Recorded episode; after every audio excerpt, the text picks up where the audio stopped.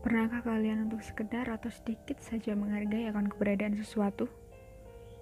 Saya memang bukan orang yang akan mudah mengucap syukur dan kehadiran akan hal paling besar pun paling kecil di seluruh alam ini. Saya hampir, bahkan selalu saya merasa paling gagal di antara semua manusia di bumi ini. Bukan salah saya juga berkaitan dengan perasaan gagal saya, namun, ya, itu salah. Kal, Kal ya? Hah, iya, kenapa? Ada telepon, angkat dulu itu.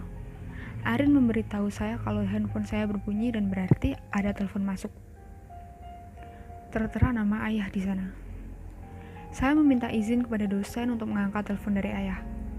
Telepon ini juga bisa saya gunakan untuk alasan keluar dari kelas yang, um, maaf, tapi kelas ini cukup membosankan. Kenapa ya? Sekarang hari Jumat, kamu pulang nggak? Belum tahu ya, kenapa? Ibu kamu. Satu kata itulah yang selalu membuat saya ketar-ketir dalam melakukan segala hal. Ibu, kenapa?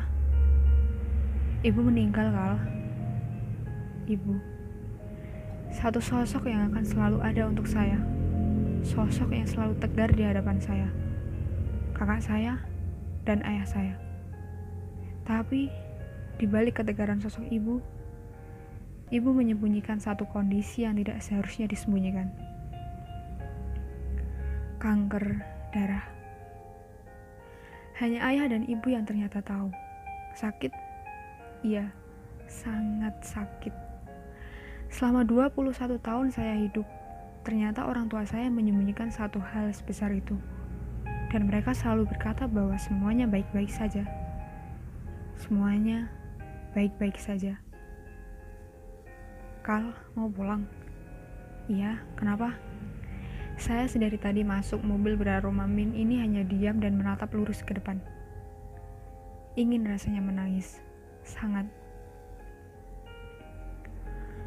Aku antar ya. Bukan merupakan pertanyaan, tapi sebuah pernyataan. Nanti sampai kosan, siap-siap dulu. Aku tunggu, terus aku antar. Saya tidak tahu kenapa Andre bisa tahu saya mau pulang ke rumah. Kamu, kenapa tahu aku mau pulang? Kal, aku tahu. Ayah kamu tadi telepon aku, minta aku jagain kamu. Dia menggenggam tangan saya, meletakkannya di atas tuas gigi.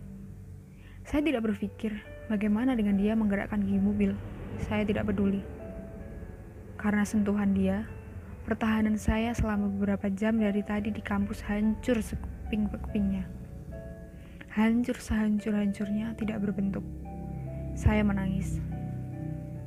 Saya merasa Andre memelankan mobilnya dan perlahan menepikannya. Saya masih menunduk, menangis, dan tiba-tiba saya merasakan badan saya direngkuh hangat dengan badan Andre. Dia memeluk saya.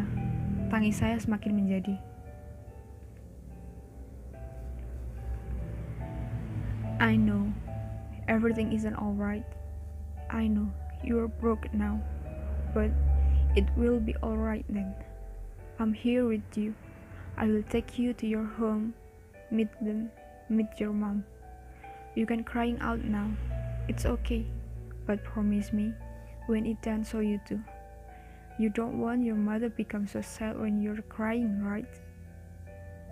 So now, it's okay for you to feel sad, broke, mad, but after all, promise your mother, your father, your family, also me, that you will shine again, smile again, and being Kalea as usual, okay? Andre, terima kasih. You do your job. Saya masih dalam rengkuan dia dan masih juga dalam keadaan menangis. Tapi, setidaknya saya tahu Andre akan selalu ada. Dia mengantar saya sampai kosan. Dia menunggu saya bersiap diri untuk pulang ke Bandung, bertemu ibu saya, untuk terakhir kalinya. Terima kasih, Andre. Sekali lagi terima kasih.